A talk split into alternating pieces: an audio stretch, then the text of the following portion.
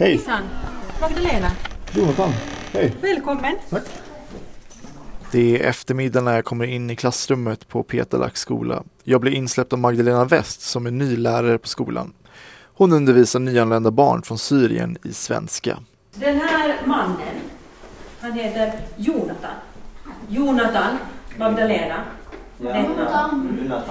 Och han jobbar på radio. Radio. Jag sätter mig längst bak i klassrummet för att observera lektionen. Magdalena pekar på mig och säger vad jag heter. När hon sen berättar vad jag jobbar med håller hon upp en radio. Det är svårt med språket för inget av barnen har någon större erfarenhet av engelska. Men med bilder, kroppsspråk och sammanhang går det alltid att göra sig förstådd. Buss. Ja. Och vad är det här? Eh. Det är en boll. Det är en boll. Bra. Magdalena visar bilder på en stor skärm. Det är bilder på olika djur eller föremål. När barnen vet vad bilden föreställer och kan säga det på svenska räcker de upp handen.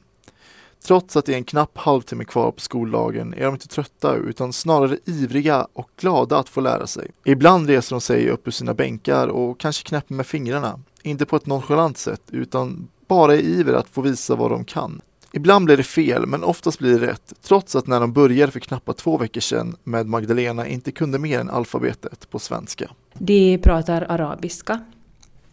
De är bekanta med, med familjen som kom till Petelax för ett, familjerna som kom till Petelax för ett och ett halvt år sedan.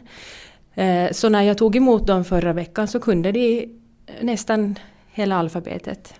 Det har de lärt sig på egen hand. Det är en katt. Det är en katt. Vilken färg? Är katten?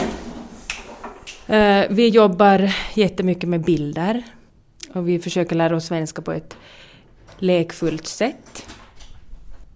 Och vi får ju givetvis börja riktigt från grunderna med alfabetet och bokstäver och att forma bokstäver och spåra bokstäver och lära oss siffror. Och, så vi börjar nog riktigt från grunden. Vilka är de här eleverna? Eh, Det är eh, sju stycken elever som kommer från Aleppo i Syrien. Vilken åldersgrupp eller vilken åldersnivå är det på? Eh, Den yngsta eleven är åtta år och den äldsta är 16. Vad tror du att det finns för svårigheter längs med vägen?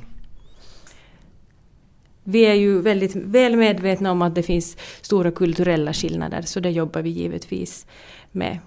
Och klart att det kan komma stunder då motivationen tryter också för de här eleverna men än så länge så är de väldigt positivt inställda. Hur har eh, omgivningen här i byn ställt sig till flyktingmottagandet enligt dig? Min upplevelse är nog att de har blivit väldigt väl emottagna här.